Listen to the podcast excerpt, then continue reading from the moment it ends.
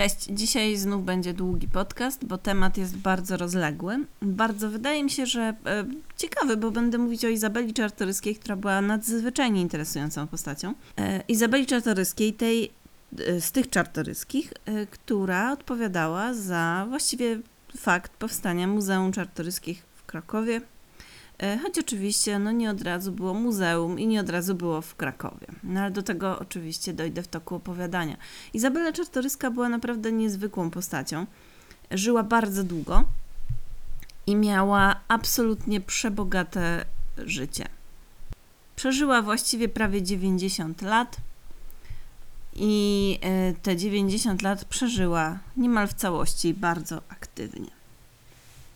Urodziła się w 1746 roku w Warszawie.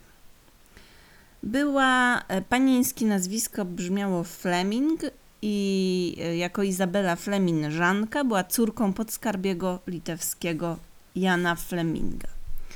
Jej ojciec, e, żeby była jasność, nie mówił nawet po polsku, był Niemcem z Pomorza, a matki nigdy nie poznała.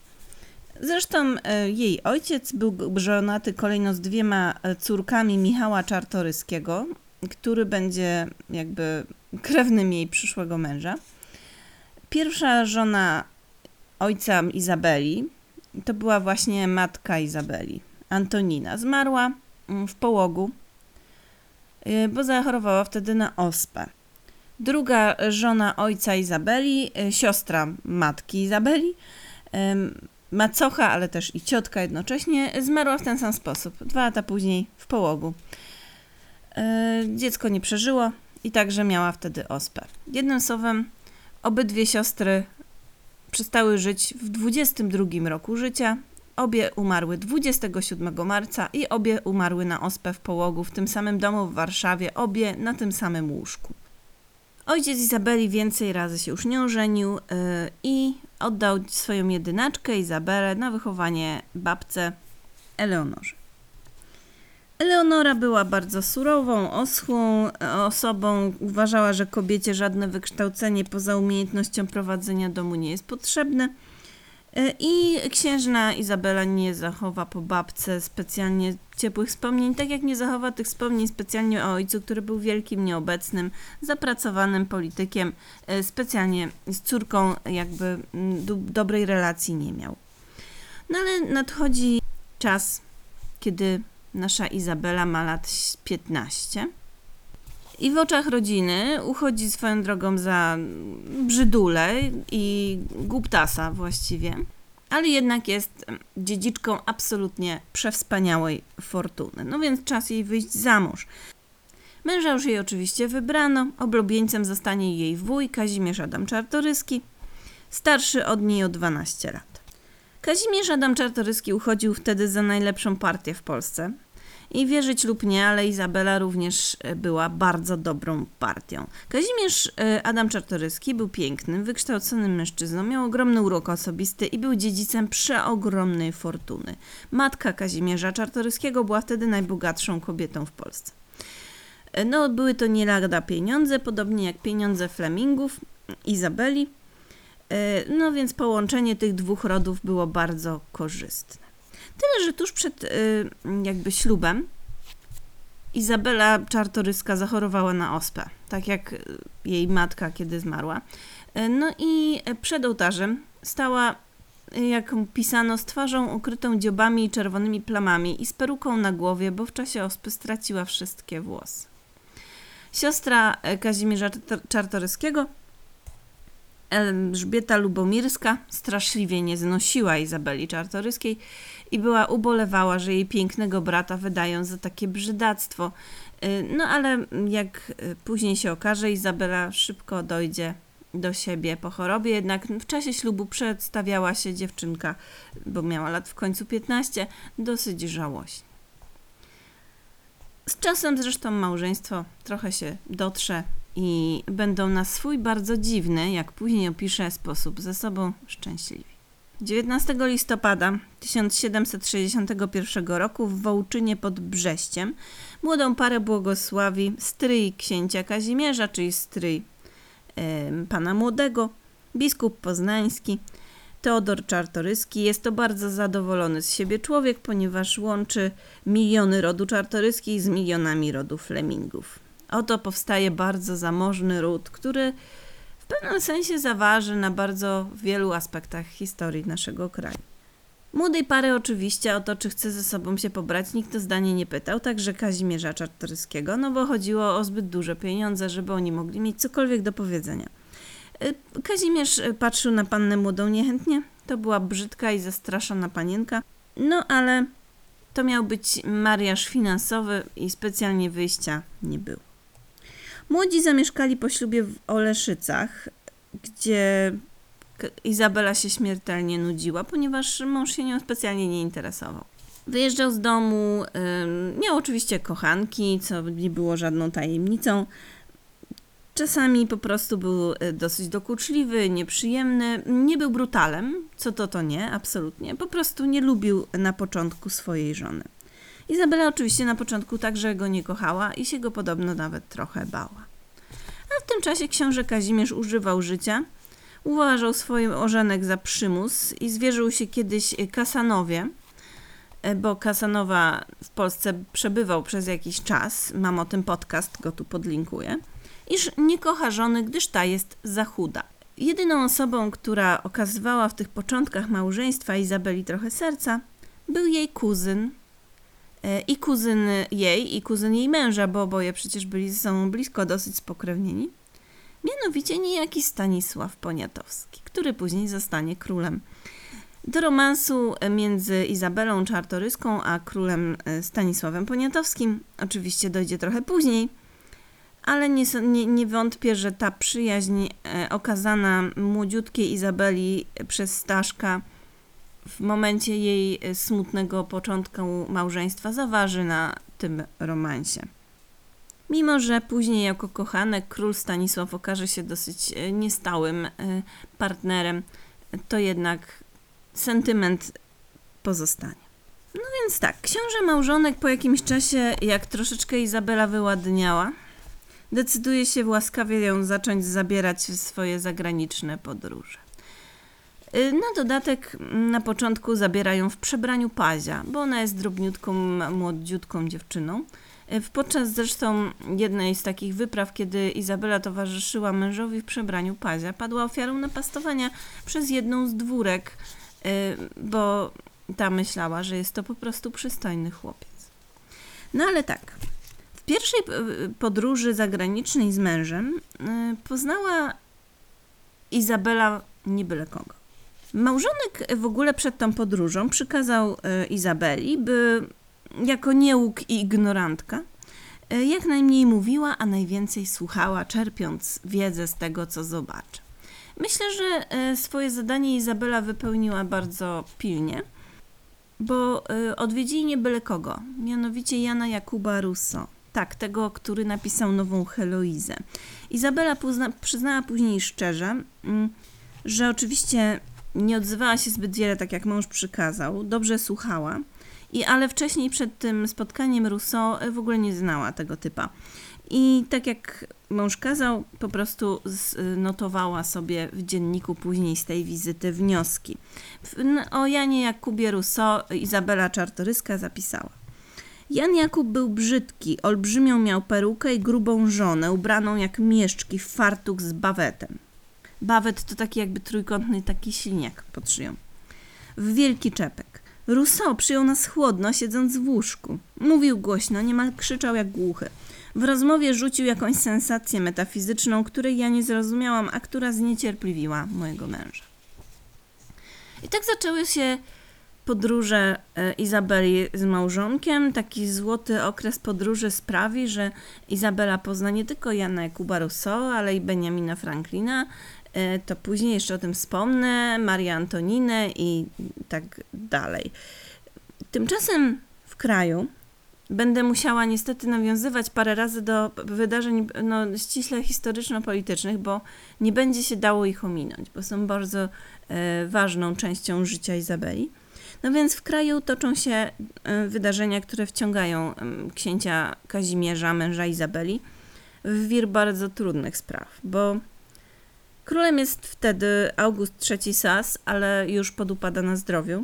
I wszyscy wiedzą, że za chwilę będzie musiała nastąpić sukcesja. Sukcesją oczywiście interesuje się caryca Katarzyna, bo w interesie Rosji jest, by Polska była zależna no, od niej. Takie to były czasy i te czasy się, jak widzimy, nie tak bardzo zmieniły.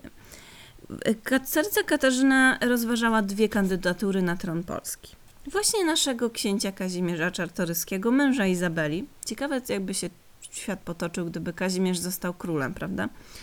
Albo właśnie Stanisława Poniatowskiego, przyjaciela Izabeli, tego, który ją pocieszał w początkach małżeństwa. Nigdysiejszego kochanka carycy Katarzyny. Stanisław Poniatowski, jak widzicie, jeśli chodzi o kochanki, to także y, miał w czym wybierać. No, Katarzyna po prostu chciała widzieć na tronie polskim monarchę, który będzie posłuszny jej woli, a Stanisław Poniatowski dobrze się też nadawał, dużo lepiej niż Kazimierz Czartoryski, właśnie dlatego, że po prostu z nią kiedyś sypiał. No więc koniec końców sam Kazimierz Czartoryski zrzekł się przed pretendowania do tronu na rzecz e, swego krewnego, bo jakby Stanisław Poniatowski też był krewnym Czartoryskiego. Te szlachciury wszystkie były ze sobą spokrewnione.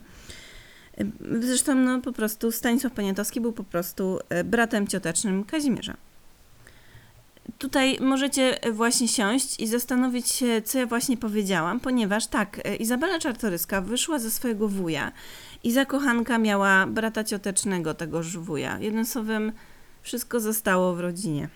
No i klan Czartoryskich postanowił wesprzeć swojego krewnego, Stanisława Poniatowskiego, no i ten, jak wiemy, zostaje królem.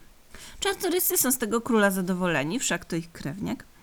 Król od, y, odwdzięcza się wylewnie swoim bliskim i familii. Nepotyzm miał się wtedy bardzo dobrze. No, y, a książę Kazimierz i generalnie małżeństwo Izabeli i Kazimierza zaczyna troszeczkę już y, czuć się lepiej, ponieważ w 1765 roku najwyraźniej książę Kazimierz okazał trochę ciepła małżonce, bo rodzi się najstarsza córka Izabeli i Kazimierza, prawdopodobnie jedyna biologiczna córka księcia Kazimierza Czartoryskiego, Teresa. Jedyne dziecko, tak jak mówiłam, wobec którego ojcostwo księcia Kazimierza Czartoryskiego nie będzie kwestionowane. I po tym pierwszym porodzie księżna Izabela podobno bardzo wyładniała. Bardzo dobrze na nią wpłynął, y, no po, prawdopodobnie no po prostu tak, że zaczęła przypominać bardziej kobietę niż dziewczątko. Tak to już wpływa na kobiety poród, że wszystkie rzeczy się powiększają. Y, kształty jej się zaokrągliły, przestała być za chuda dla Kazimierza. Y, znikła też brzydka cera, wygładziła się. Jednym słowem Izabela przemieniła się z brzydkiego kaczątka w łabędzie. I taka właśnie już piękna po porodzie objawiła się swojemu kuzynowi i królowi Stanisławowi Poniatowskiemu, przyjacielowi, 19 listopada 1765 roku, kiedy to zrodził się między nimi romans. Mąż Izabeli, Kazimierz Czartoryski, zachowywał wobec tego romansu, a także absolutnie wszystkich reszty, całej reszty romansu swojej żony wielką tolerancję.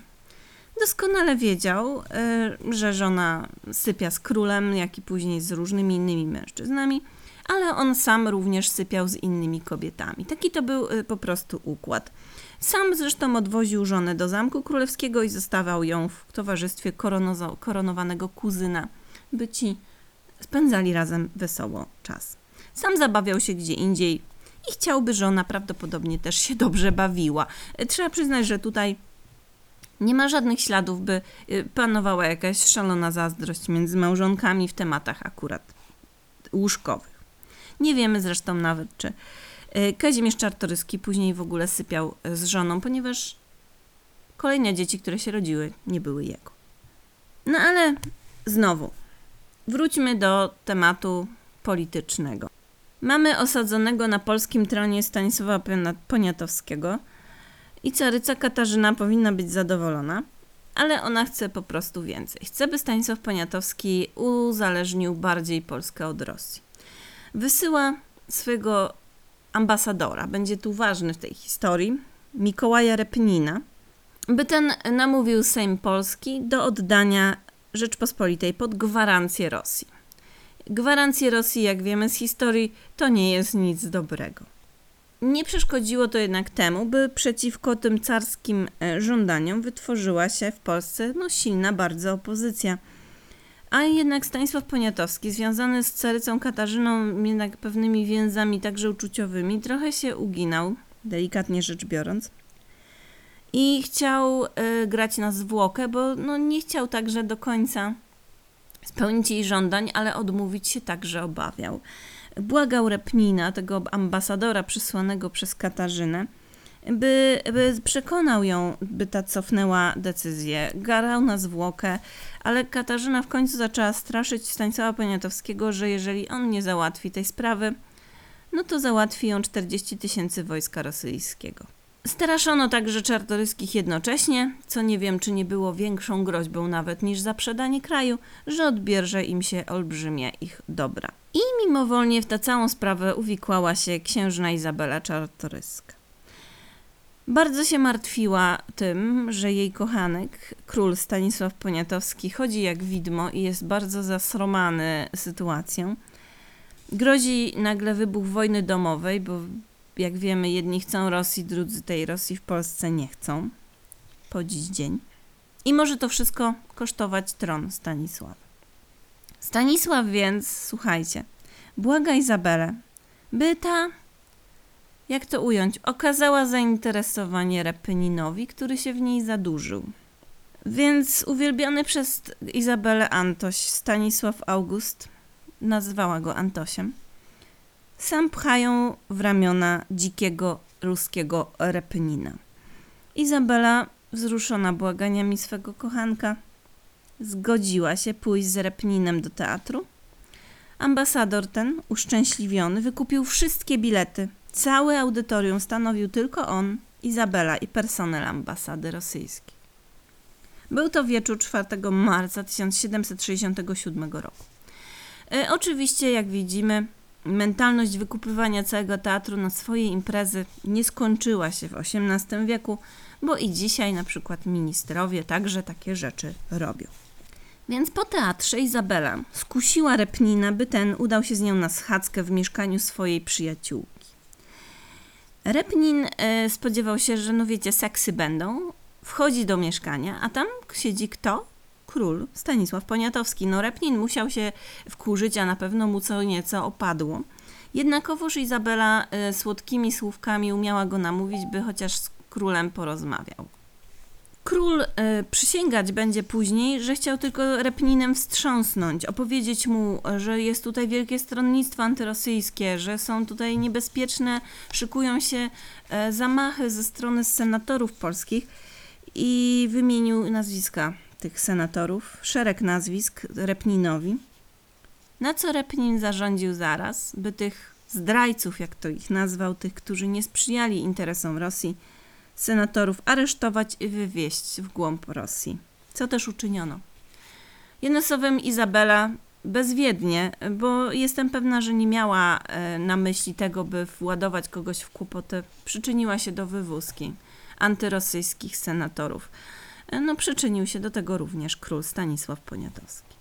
Na dodatek, poza tym, że nic nie wskórał tą schadzką, to okrył się hańbą, a ustawy o gwarancji rosyjskiej Sejm steroryzowany groźbami, Ros groźbami Rosji uchwalił.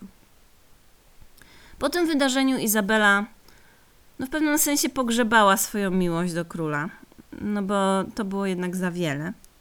Ale by uchronić rodzinę przed prześladowaniami, zajęła się, ujmijmy to tak eufemistycznie, repninem. E, zresztą to będzie bardzo wysoka cena, bo widmo tych e, senatorów wiezionych do Kaługi będzie Izabela do końca życia prześladować. Jako podzwonne z romansu z królem rodzi się Izabeli druga córka. Córka króla Stanisława Augusta Poniatowskiego, Maria. E, będzie do, zresztą do monarchy bardzo podobna. Będzie trudno zaprzeczać temu ojcostwu. E, zwłaszcza, że no w czasie tego intensywnego romansu Stanisława Augusta Poniatowskiego i Izabeli, e, jej mąż, książę Kazimierz, bawił za granicą, więc no po prostu nie było opcji, by Izabela zaszła w ciążę ze swoim mężem. Mąż zresztą, Kazimierz Czartoryski, prawie wszystkie dzieci Izabeli będzie po prostu y, uznawał za swoje, choć wszyscy będą wiedzieli, kto jest ich ojcami. Wracając jednak do Repnina, mimo wywózki tych senatorów w Polsce wybucha Konfederacja Barska, y, no i to nie jest dobrze dla Rosji, tak w skrócie mówiąc i w dużym uproszczeniu. Y, I caryca Katarzyna jest wkurzona na Repnina, że do tego dopuścił. Na dodatek dochodzi jej słuchów, że ambasador Repnin ochrania czartoryskich, ponieważ kocha e, żonę jednego z nich. Repnin zostaje więc przez carycę odwołany, a tymczasem w Warszawie, którą opuszcza 14 stycznia 1770 roku, w Pałacu Błękitnym przychodzi na świat z łona Izabeli kolejne dziecko, dziecko Repnina tym razem, syn Repnina Adam. Jerzy Czartoryski, bo wszystkim dzieciom, tak jak mówiłam, Kazimierz nadaje swoje nazwiska.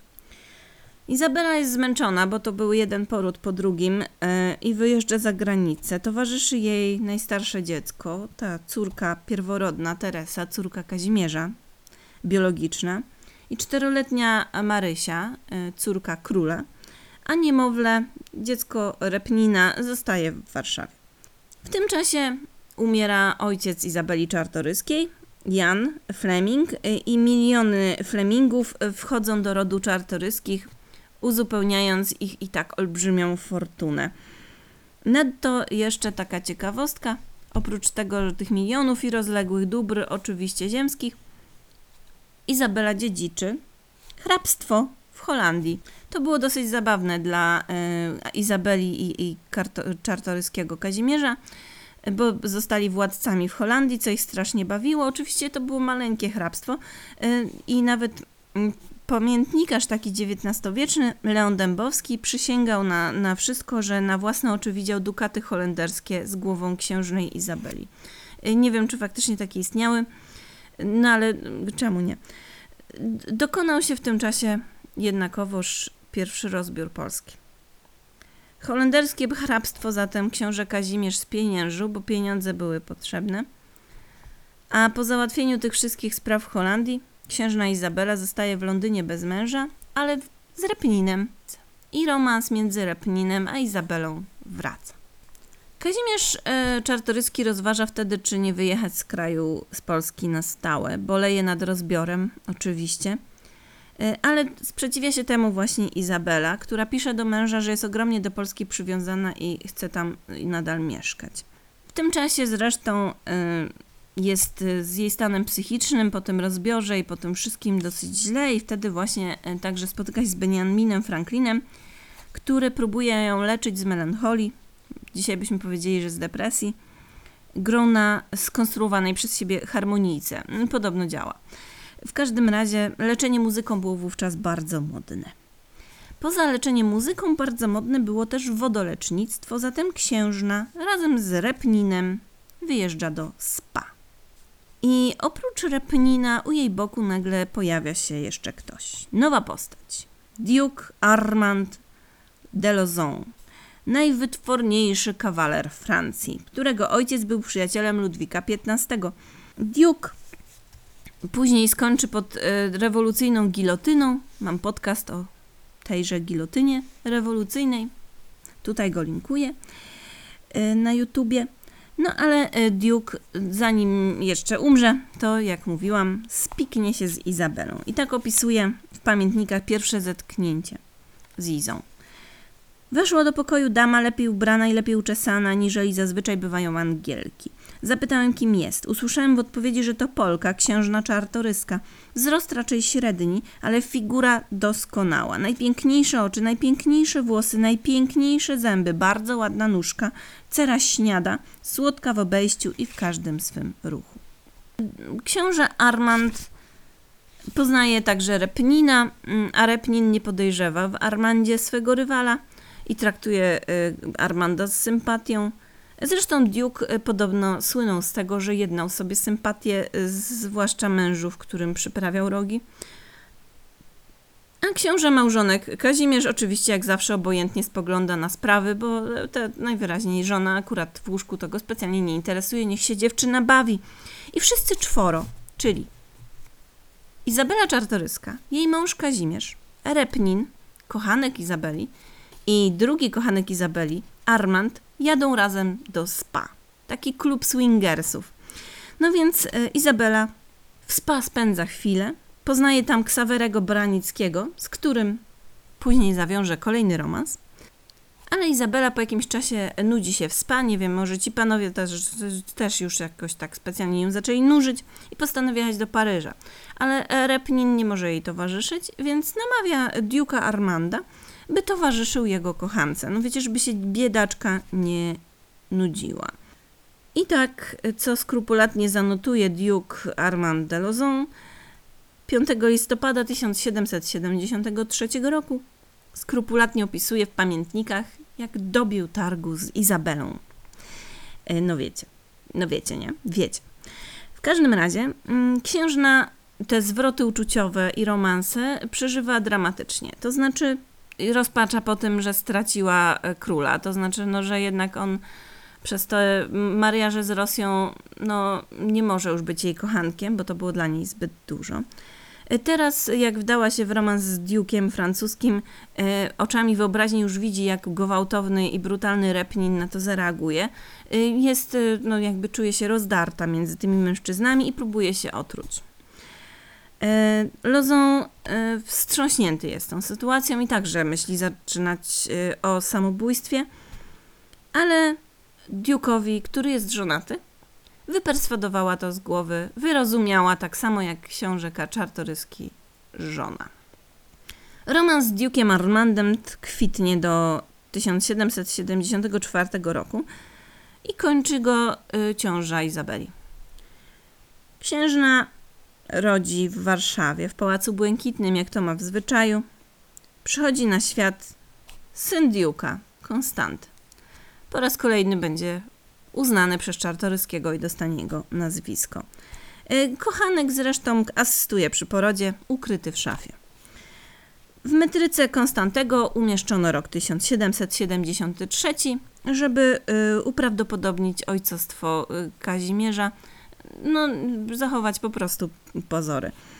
Mąż przyrzeka uznać Konstantego także za swojego syna, ale pod warunkiem, iż ten nigdy nie ujrzy swojego rzeczywistego ojca.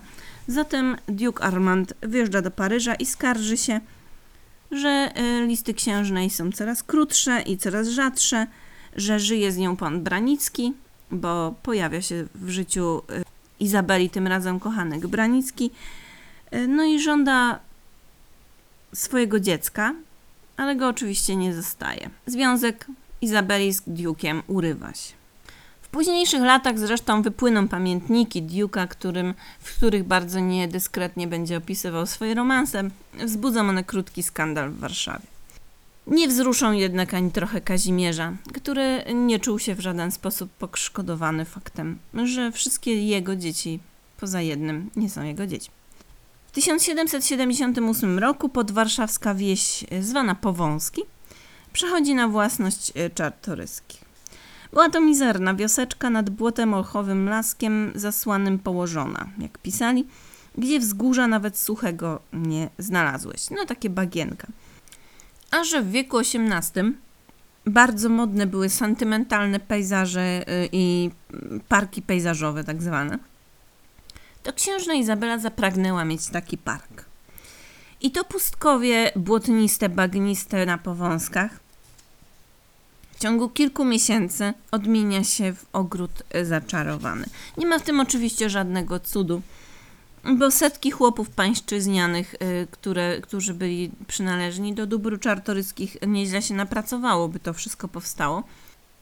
No więc y, ci chłopi pańszczyźniani zbudowali to bawidełko Izabeli, Zasadzono nowe gatunki drzew, wytyczono kwiat, kwietniki, rozrzucono po tym terenie urocze chatki pasterskie, niby takie udawane, opuszczone młyny i pieczary, gdzie niegdzie połyskiwała biel marmurów naśladujących rzymskie koloseum i ateński akropol. Mm, zresztą to koloseum pełniło taką rolę użytkową, bo w tym rzekomym koloseum, niby koloseum, to nie, nie przetrwało już do tej pory, E, księżna kazała urządzić tam stajnie i pomieszczenia dla służby, by koni i ludzi tam umieściła. Największa oczywiście chatka była domem Izabeli, stała po środku parku, na Zielonym Wzgórzu. Pisano, że koszt urządzenia łazienki w domku księżnej był y, astronomiczny, bo mówiono, że na wyłożenie jej ścian zużyto 3000 porcelanowych kafelków, z których każdy kosztował w Dreźnie 3 dukaty. Czartoryskich no było stać. Dzieci czartoryskich, Teresa, Adaś, Marysia i tak dalej, też mieli po swojej chatce tam.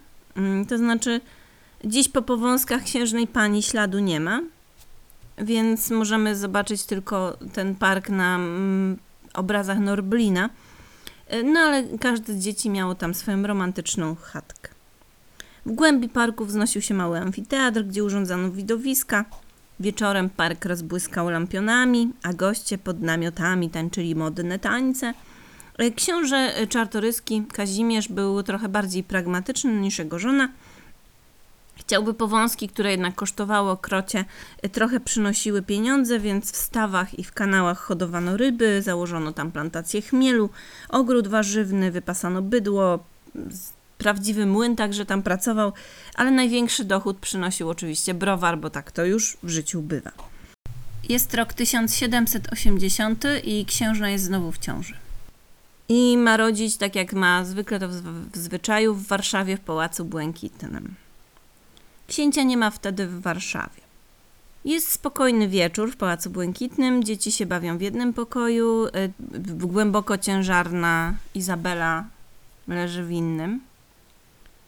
I tegoż wieczoru pierworodna Tereska, jedyna córka Kazimierza biologiczna, śliczna szesnastoletnia panienka, zabawia się śpiewem i grą na szpinecie ze swoją siostrą Marysią. Szpinet to taki klawesyn jakby – i nagle muślinowa sukienka Teresy zajmuje się od iskry z kominka. Dziewczynki są przerażone, nie, potrafi, nie wiedzą co robić. Dziew, dziecko staje w płomieniach dosłownie i poparzenia są bardzo groźne. W olbrzymich męczarniach terenia umiera po trzech dniach. Kazimierz Czartoryski dowiaduje się o tym przypadkowo właściwie, wracając do Warszawy i choć był on człowiekiem niespotykanie spokojnym i opanowanym, to śmierć jego pierworodnej córki i w sumie chyba jedynej córki biologicznej, y, no, wstrząsa nim potwornie. Chwieje się, zatacza, płacze, a przed księżną, która jest na progu porodu, ukrywają prawdę. I kiedy urodzi córkę Gabrielę, która nie wiemy, czyją była biologiczną y, córką, być może to była również druga córka Kazimierza. To byłaby podwójna, to jest podwójna tragedia, ponieważ Gabrysia e, żyje ledwie kilka dni. Jednym słowem w ciągu jednego dnia, jednych, jednego tygodnia Izabela i Kazimierz tracą dwoje dzieci. Nie wiedzą, jak jej to powiedzieć Izabeli, bo jest w połogu, traci Gabrysię yy, i nie wie, że Teresa nie żyje. Jednak w końcu lekarz wyznaje Izabeli prawdę i ta z powodu tego ciężaru psychicznego pada rażona paraliżem takim e, na tle no, psychologicznym. E, po, jakimś czasie władza w nogach i rękach jej wróci pod wpływem takiej terapii elektrycznej. I przez długie lata ten domek tereni na powązkach staje nieruszony. Jest, jest e, uzostawiony tak, jak go terenia zostawiła, przygotowany, jakby miała tam za chwilę wrócić. Ja, że Dzień śmierci Tereni to był czwartek, to już do końca życia prawdopodobnie, mm, przynajmniej tak mówią. Czwartek był dla Izabeli dniem żałoby i starała się tego dnia zawsze zrobić jakiś dobry uczynek. No ale mija e, kilka lat, życie toczy się dalej. Druga córka, ta córka Maria, e, córka króla Stanisława Augusta Poniatowskiego, no kończy 16 lat. No, y, że kończy 16 lat, to wiadomo, co to oznacza dla panienki z zamożnego domu, to znaczy, no, trzeba się rozejrzeć dla niej za mężem. I na horyzoncie pojawia się kandydat, jest nim siostrzeniec króla Prus, Fryderyk Wirtemberg. No, y, ma opinię awanturnika, brutala i generalnie łowcy posagów. A zwrócił uwagę na Marię, bo jednak panna bardzo posażna, partia krociowa – Marynia gwałtownie oponuje przed y, poślubieniem Wirtenberga, y, ale jednak rodzice czują, że im bardzo imponuje. Wejście do domu królewskiego, wszak to siostrzeniec króla Prus. Nie obchodziło ich, że narzeczony był grubianinem, ani e, protesty Marysi. Ślub odbywa się 30 października 1784 roku. Małżeństwo będzie bardzo nieszczęśliwe, jak się zapewne domyślacie, i będzie miało jeszcze inne reperkusje, do których jeszcze dojdę.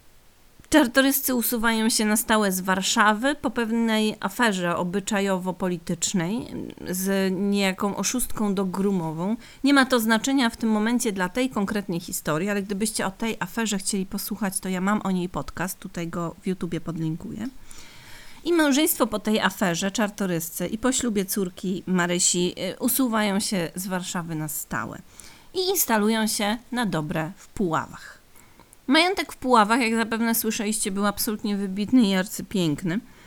Tam był taki dworek za, zaprojektowany przez architekta Deibla ze wspaniałą salą zwierciadlaną, z chińskim gabinetem księżnej, z cudownym ogrodem, z bujną roślinnością itd. Tak Puławy stają się dzięki Izabeli Czartoryskiej e, wtedy centrum jakby życia towarzyskiego, rodzinnego, ale także politycznego.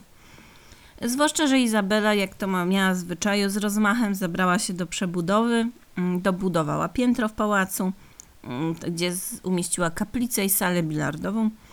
Powstała tam bogata biblioteka, jedna z największych Rzeczpospolitej, licząca 20 tysięcy dzieł polskich, 2000 rękopisów i kilkadziesiąt tysięcy dzieł zagranicznych. Podobno kotara z białego atłasu nad łóżkiem e, w sypialni w pałacu y, w Puławach była takim dziełem kunsztu hafciarskiego, że haftowano ją przez 7 lat. W każdym razie Puławy nazwano pompatycznie dosyć polskimi Atenami. Nie szczędzono epitetów, nazwano ośrodkiem medyceuszy, Parnasem i co tam chcecie, ale faktycznie było to absolutnie wyjątkowe miejsce. Zjeżdżano do Puław e, samemu albo całymi rodzinami. Pałac ten tętnił życiem – Książę stworzył też w Puławach prywatną szkołę dla młodzieńców, gdzie kształcili się dobrze urodzeni młodzieńcy, nie, nie czarujmy się. Później, e, w późniejszych latach e, czartoryscy pochylą się także nad chłopstwem, ale to jeszcze nie teraz.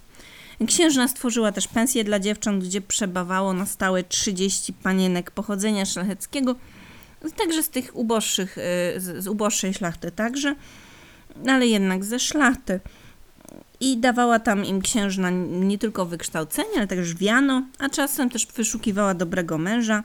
Mieli także tam stajnie na 80 koni i uwaga, no tak, mieli także dwóch Turków, którzy mieli robić w Puławach atmosferę orientalną.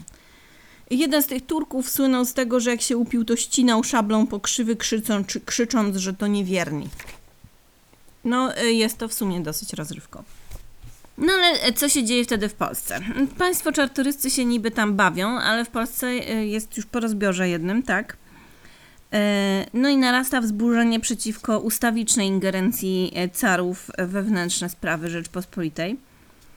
Formuje się obóz patriotyczny, mm, antyrosyjski, a co za tym idzie także antykrólewski, bo Stanisław August Poniatowski no, jest posądzany o to, że jednak sprzyja carycy Katarzynie, no nie bez podstaw. E, no ale przywódcami tego obozu antyrosyjskiego zostaje właśnie książę Kazimierz Czartoryski wraz z jego żoną Izabelą.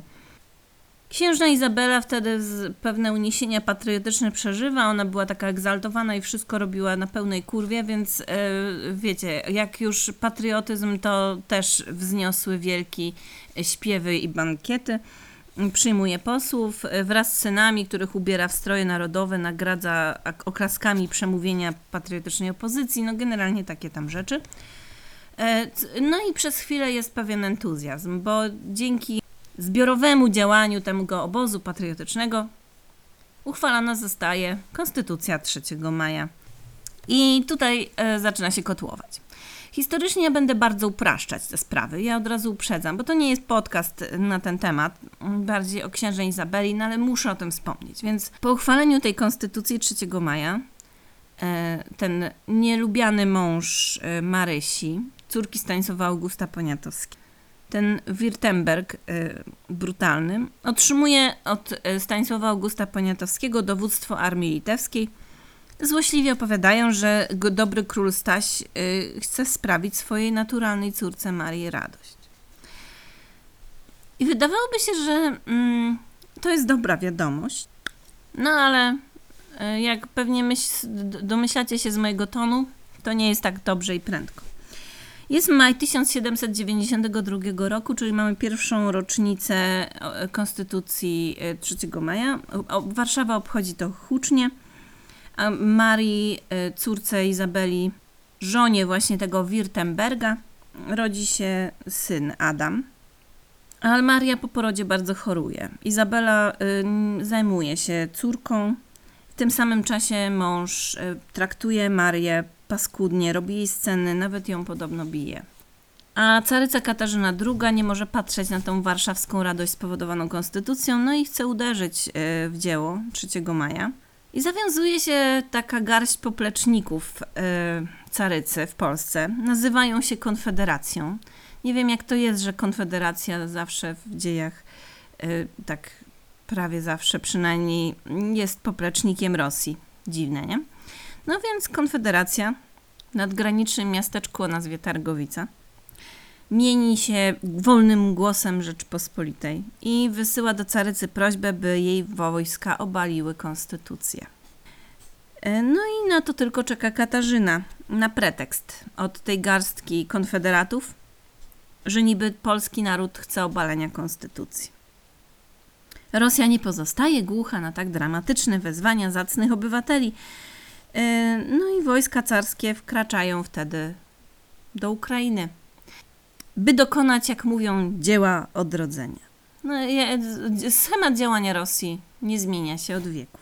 I teraz tak, wkracza armia rosyjska do Ukrainy i e, wojska koronne i armia litewska dowodzona przez Wirtemberga mają im dać odpór. I o ile wojska y, koronne wypełniają rozkaz, o tyle Wirtemberg, dowodzący armią litewską, mąż naszej Marii, córki Izabeli, zatrzymuje się i zaczyna mówić y, królowi wymówki, że a to go boli, no, bolą nogi, a to mu broni brakuje, a to w ogóle. W każdym razie gra na zwłokę, nie idzie na wojnę z Rosją. Rychło wychodzi na jaw, że em, dogadał się z królem pruskim, który jest przeciwny temu, by e, stawiać opór wojskom carskim. W końcu Wirtemberg jest krewnym króla pruskiego.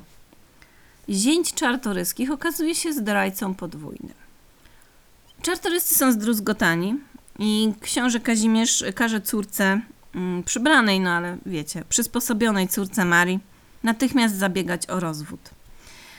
E, I to jest też przykre, ponieważ to, że ją bił albo że był brutalem, nie przeszkadzało im absolutnie nie, nie chcieliby zabiegała o rozwód z takiego błahego powodu.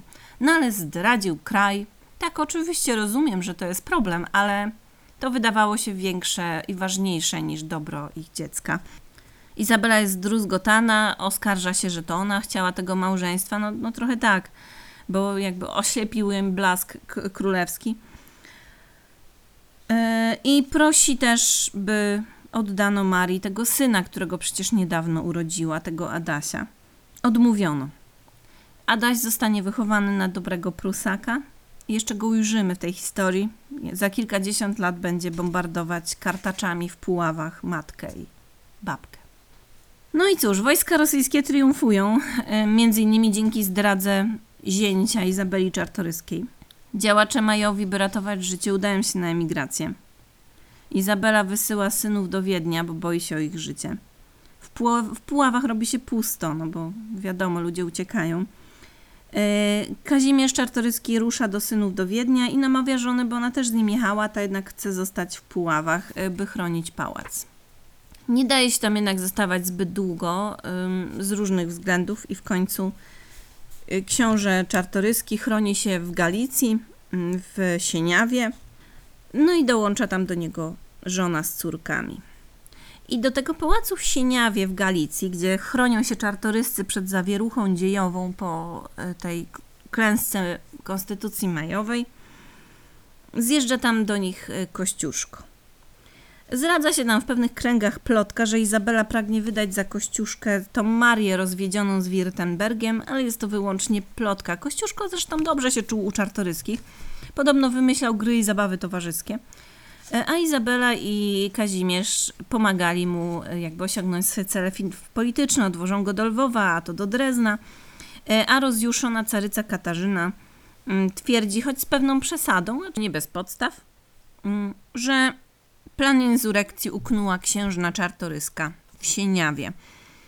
No ale faktem jest, że czartoryscy sprzyjają powstaniu w 1900, 1794 roku wspierają jej pieniędzmi i wpływami, co sprawia, że caryca Katarzyna musi się zemścić.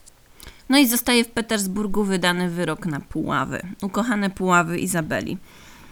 Puławy zostają zrabowane, a wszystkie dobra czartoryskich po upadku insurekcji, w zaborze rosyjskim oczywiście, odebrane.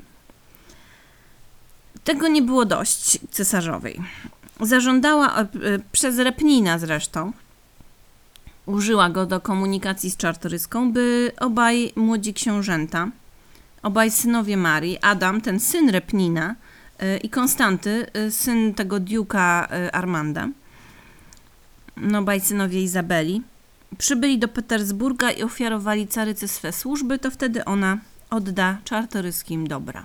Chciała po prostu wymienić dzieci na majątek i można by powiedzieć, hej, żaden majątek nie sprawi, że wyśle dzieci na służbę do carskiego dworu, ale przecież znacie czartoryski. Dawny kochanek Izabeli zaklina, by wysłała synów, w tym jego syna, mm, do despotycznej władczyni. Jak to władcy zresztą miewali przez wieki e, zwyczaj porywania dzieci e, przeciwników, by trzymać ich je za zakładników. Jest to trochę podobna zagrywka. E, No i Izabela prosi Repnina, by traktował synów e, dobrze i by włos z głowy im nie spadł, ale ich tam wysyła. Tak, wysyła Izabela y, synów, by odzyskać majątki.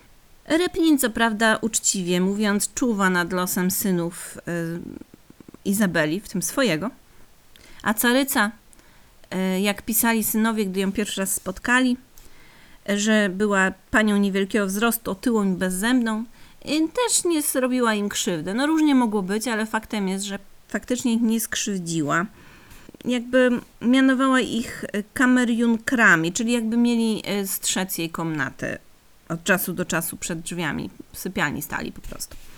Nie jest to zbyt ciężka robota. E, No i dzięki temu w 1795 roku Katarzyna udobruchana uwalnia dobra księcia Kazimierza z konfiskaty i Izabela postanawia wracać do Puław. No, e, słuchajcie, no tam wprowadzono ruski mir. Znamy te porządki, więc było tam straszliwe spustoszenie. Wszystko stratowane, zdeptane, drzewa powycinane, zniszczone meble, kryształy, zegary, dywany, rozkradzione też wszystko. Nie znalazła się ani jedna komnata, w której ocalałyby okna albo drzwi. No, takie były porządki generała Bibikowa, któremu powierzono Puławy. Dzieło zniszczenia oczywiście e, szło w parze z no, potwornościami, jakimi zawsze e, e, rosyjska armia się sławiła. Jak pisano, do sadzawki na środku dziedzińca, pisał o tym Julian Ursen Niemcewicz, który był świadkiem, wyłożonej cisem wylano beczki z winem i innymi napojami wytoczonymi z piwnicy, a żołdactwo, nie mogąc wszystkiego wypić, używało tu kąpieli, wyprawiając orgwie i gwałcąc kobiety wiejskie. Wszystko poszło w ruinę. Później zresztą e, Zofia Czartoryska, ta najmłodsza e, z córeczek, ta córka, która będzie, okaże się córką Branickiego, lepi odłamki tych wszystkich porcelanowych rzeczy i stworzy taką e, galerię puławską kolekcji figur uszkodzonych. Bo po Gabrieli, tej zmarłej córce, e, tej, która zmarła wtedy, kiedy najpierworodna Terenia stanęła w ogniu, urodzi się jeszcze Zofia, która będzie córką hetmana Branickiego. Kiedy po paru latach e, Puławy udaje się doprowadzić do porządku, to Izabela wraca do, swojego, do swojej pasji, czyli do gromadzenia dóbr, y, które mają być patriotyczne, bo jej wzmożenie patriotyczne nadal trwa i zakłada tak zwaną świątynię Sybilli, Muzeum Pamiątek Narodowych. Wyszukuje pamiątki po całym kraju, niezmordowanie powiększa kolekcję. Będzie to zalążek Muzeum Książąt Czartoryskich. Rosną zbiory. Znajdują się tam nie byle jakie rzeczy, bo i miecz ofiarowany Jagielle pod Grunwaldem przez Krzyżaków i szabla Batorego, płaszcz czy Jana III Sobieskiego. Wiele z tych rzeczy można do dziś zobaczyć, oczywiście w Krakowie. E, no, ale także pamiątki po Kościuszce. Mm, zresztą to ona, gdy w Krakowie sypiano później kopiec Kościuszki, przyśle z Puław urnę z ziemią spod Ławic. E, mało, no, mnóstwo tam jest rzeczy. Są pamiątki po Napoleonie, po Ludwiku XVI, Ryszardzie Lwie Serce, w Waszyngtonie, Szekspirze, Rousseau, Newtonie, Volterze, Goethem, Schillerze. Mm, e, znajdują się tam później także rzeczy, które do dziś są no, dziedzictwem polskich muzeów, czyli no, Dama z gronostajem Leonardo da Vinci, czy krajobraz z miłosiernym Samarytaninem Rembrandta, oba do zobaczenia w Krakowie. E, czy zaginiony obecnie portret młodzieńca Rafaela Santi, zaginiony w czasie II wojny światowej. Księżna sporządzała własnoręcznie e, katalogi i objaśnienia do swoich zbiorów. Była to zresztą mieszanina rzeczy cennych i bezwartościowych, oryginałów i podróbek. Nie miało to jednak wtedy większego znaczenia, bo liczyło się jakby intencje patriotyczne. Na wiosnę 1797 roku do Puław wpadają książęta, z, ci, którzy mieszkają w Rosji. Z, z, bardzo ważną wiadomością, mianowicie caryca Katarzyna umarła i tron objął jej syn Paweł. Paweł nienawidził swojej matki i uwolnił z niewoli Kościuszkę i zaczął lubić Polaków, bo jego matka Polaków nienawidziła. No tak to się robi wbrew matce. Paweł jednak nie pożył zbyt długo, bo niektórzy carowie na tronie, to jak papieże, to tam za długo nie zabawili. I przyjaciel syna Izabeli Czartoryskiej, Aleksander zostaje carem. Mówię o przyjacielu oczywiście Adama, tego, który jest synem tak naprawdę Repnina. E, to jest bardzo dobra wiadomość dla e, Czartoryskich, no bo jakby przy boku cara mamy dziecko Izabeli Czartoryskich. Adam sam właśnie zostaje mianowany zresztą zastępcą ministra spraw zagranicznych Rosji. Wszystko zaczyna stawiać trochę na nogi. E, car Aleksander zapowiada, że przybędzie z wizytą do Puław. Adam jest też podekscytowany, zapewnia matkę, że to jest wielki zamysł polityczny, że to będzie dobre dla Polski. Car przybywa. Aleksander e, jakby uwodzi wszystkich, e, obiecuje każdemu to, co ten chce usłyszeć. Wszyscy są olśnieni już po paru minutach rozmowy z carem i wierzą, że wszystko będzie dobrze i przyszłość Polski jest zabezpieczona. Tylko Maria, dawna Maria Wirtenberg, córka Izabeli, e, go przejrzała. Powtarzała wszystkim ze smutkiem, że on kocha wszystkich i nie kocha nikogo. Przyszłość pokaże, że ma rację, bo te gadania Aleksandra Cara są zamkami na lodzie. W tym samym czasie oczywiście mamy Bonapartego, który pojawia się na horyzoncie i szuka w Polsce podpar- jakby poparcia w podboju Rosji. Nie wierzą w to za bardzo czartoryscy, no ale e, później okazuje się, że przecież wojska napoleońskie druzgoczą potęgę Prus, przy boku mając oddziały polskie. E, I to rozbudza nadzieję Polaków, a Napoleon, by im troszeczkę zrekompensować to, że pomogli mu w podbiciu Prus, e, utworzy no, księstwo warszawskie, a księciem tegoż księstwa stanie się wnuk Augusta III Sasa, Fryderyk.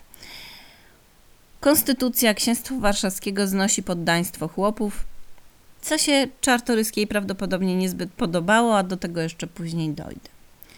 Polacy, jak wiemy, Napoleona witali z entuzjazmem. Car Aleksander uznaje księstwo warszawskie, podpisa, podpisuje z Bonapartem traktat o przyjaźni, ale traktaty z Rosją mają to do siebie, że nie, nie trwają zbyt długo i ten też nie przetrwał nawet pięciu lat chyba. Mamy sytuację Izabeli Czartoryskiej taką, że starszy syn jest przyjacielem cara, Adam.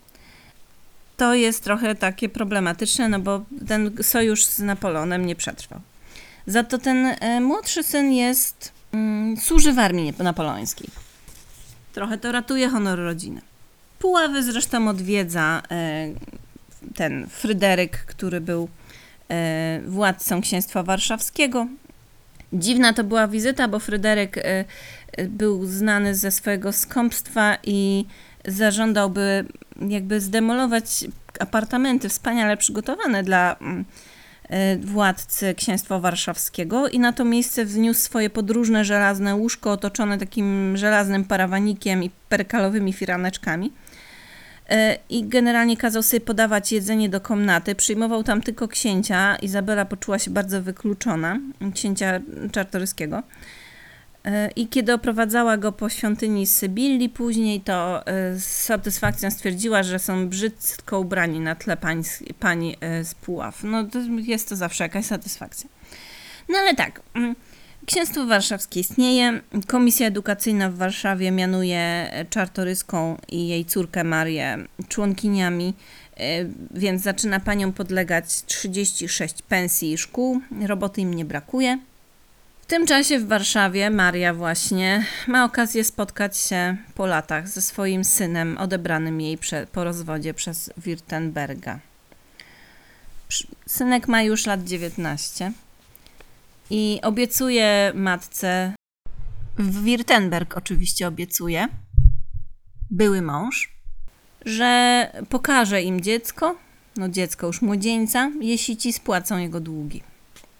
I teraz tak, nie wiemy, czy czartoryscy spłacili jego długi. Nie ma informacji na ten temat. Znaczy, podejrzenia są takie, że tak, bo faktycznie Wirtenberg spłacił potem szybko swoje długi, a oni się z tym Adasiem zobaczyli ale no, oficjalna wersja była taka, że nie spłacili. Także trudno powiedzieć. Prawda jest jednak taka, że nie było warto, bo jak mówiła Maria, synek jest równie cyniczny i okropny jak ojciec. Jak wiemy, księstwo warszawskie nie trwało wiecznie. W 1813 roku wojska rosyjskie zajęły tereny księstwa warszawskiego. Izabela w międzyczasie pisze swoje dziełka, bo ona pisała różne rzeczy które no, z dzisiejszej perspektywy trudne są do zniesienia. Mm, trzeba to y, uczciwie przyznać, bo pisze tam o dobrodziejstwach oświeconej pańszczyzny, czyli właściwie chłopskiej niewoli, łagodzonej jakby działalnością charytatywną państwa. Z całą powagą wywodzi, że chłop wolny spędzać będzie czas w karczmie i na rozpuście, więc nie może być wolny. Mm, oddać jej trzeba sprawiedliwość, że zaczyna także zakładać szkoły dla chłopstwa, więc y, to jest jednak jakaś poprawa, no ale nadal wierzę, że pańszczyzna to jest jedyny dobry system. Generalnie e, w różnych swoich dziełkach e, wywodzi, że chłop ma kochać swych panów, ojczyznę, rodziców i nic więcej do szczęścia mu nie jest potrzebne. Jeden słowem, no, no jednak wsteczne poglądy miała księżna Izabela. Nie możemy tutaj tego pudrować w żaden sposób. Co jednak zresztą dzieci. W międzyczasie okazuje się, że e, Izabela Czartoryska miała po drodze jeszcze jedno dziecko. Tym razem nieuznane przez Kazimierza. Nie wiem, czy on o nim nie wiedział, czy no, mogło się zdarzyć, on często wyjeżdżał, ale nie wiem tego. Córkę Cecylię, która była córką Żewuskiego. E, no, musiała przyznać się, że to jej córka po tym, jak jej syn mm, się nią zaczął interesować. No, musiała wyznać, że nie może się z nią żenić bez tego przybrana, przyrodnia siostra. No ale co z tymi dziećmi jeszcze, tylko tak na koniec w skrócie. Smutna rozwódka Maria pozostanie podporą dla matki do końca życia. Zosia, y, córka Branickiego i Izabeli, y, wychodzi za ordynata Zamojskiego. Ordynat Zamojski podobno jest dobrym mężem i ojcem, dziesięciorga dzieci.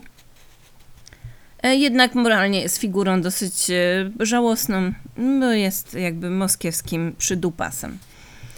E, syn Konstanty, ten syn Duke'a i Izabeli, długo zwleka z orzenkiem, e, aż w końcu wbrew woli matki e, poślubia Marię Dzierżanowską i przenosi się na stałe do Wiednia.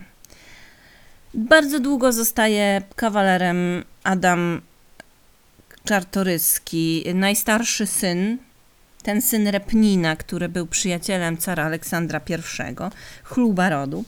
Matka ciągle proponowała mu jakieś matrymonialne aranżacje, ale on żadnej nie przyjmował, aż w końcu, mając lat 50, żeni się z osiemnastolatką, Anną Sapieżanką. no też matka nie jest zbyt zachwycona.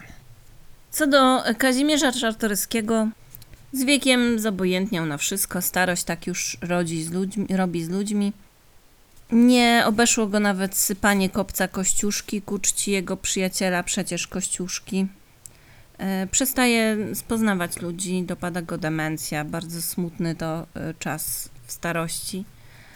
E, Nie rusza się już nigdzie bez pomocy, a ponieważ przez wiele lat mówił wieloma językami, to jego mózg e, no, mówi mieszaniną językową, e, taka wieża Babel trochę, więc trudno jest go zrozumieć, bo używa słów z różnych języków w jednym zdaniu. Żyje tak przez parę lat, żona się nim opiekuje, trzeba przyznać, bardzo uczciwie i wiernie, w tym powolnym odchodzeniu mu towarzyszy. I książę Kazimierz Czartoryski umiera 20 marca 1823 roku w Sieniawie, gdzie czuł się bardzo dobrze i domowo. E, I jego zwłoki przewożone są do Warszawy. Księżna Izabela jeszcze będzie żyła. Mm, Dotrwa do powstania listopadowego, w której Adam będzie walczył, w którym Adam będzie walczył. W Puławach jednakowoż w 1831 roku po raz kolejny wo- wojska carskie splądrują wszystko, a w marcu 1831 roku pałac w Puławach zostanie ostrzelany przez artylerię, którą będzie kierował wnuk Izabeli, syn Marii Wirtenberg. Bardzo to przykre. Księżna opuści pieszo rodzinny dom, mając, będąc w dobrej kondycji, mając lat 80. A zbiory muzealne tej świątyni Sybilli, Biblioteka Puławska i te wszystkie skarby, które gromadziła, uda się Izabeli mm, przetransportować na teren Galicji, gdzie będą bezpieczne po dziś dzień. Przynajmniej większość z nich. No, jak wiemy, parę rzeczy się jeszcze później wydarzy. Opiekują się Izabelą pod koniec życia właśnie Maria, e, rozwódka po Winterbergu, e, no i ta córka nieślubna Cecylia Baydale. Izabela umiera bardzo spokojnie 19 czerwca 1835 roku. Trumna e, będzie pochowana w Sieniawie, gdzie później pochowano także Marię Wirtemberg i w ogóle liczne wnuki i prawnuki tego rodu. No i tak, i tak, taka była historia naprawdę niezwykłej kobiety, ym, dosyć czasami niejednoznacznej, ale jednak trzeba przyznać, że absolutnie nietuzinkowej. Długie, długie życie pełne naprawdę nieprawdopodobnych wydarzeń. I dzięki Izabeli mamy no, wspaniałe Muzeum Czartoryskich, choć jak wiemy w 2016 roku kolejna zawierucha polityczna sprawiła, że z pierwszy raz po wiekach Fundacja Czartoryskich i dzieła Czartoryskich zamiast e, należeć do Fundacji Czartoryskich należą także w tym momencie e, przede wszystkim do e, Skarbu Państwa, co w obecnych czasach nie wiem, czy jest takie bezpieczne. No ale cóż, przekonamy się. Miejmy nadzieję, że nie będzie tak źle. I to tyle na dzisiaj. Do usłyszenia.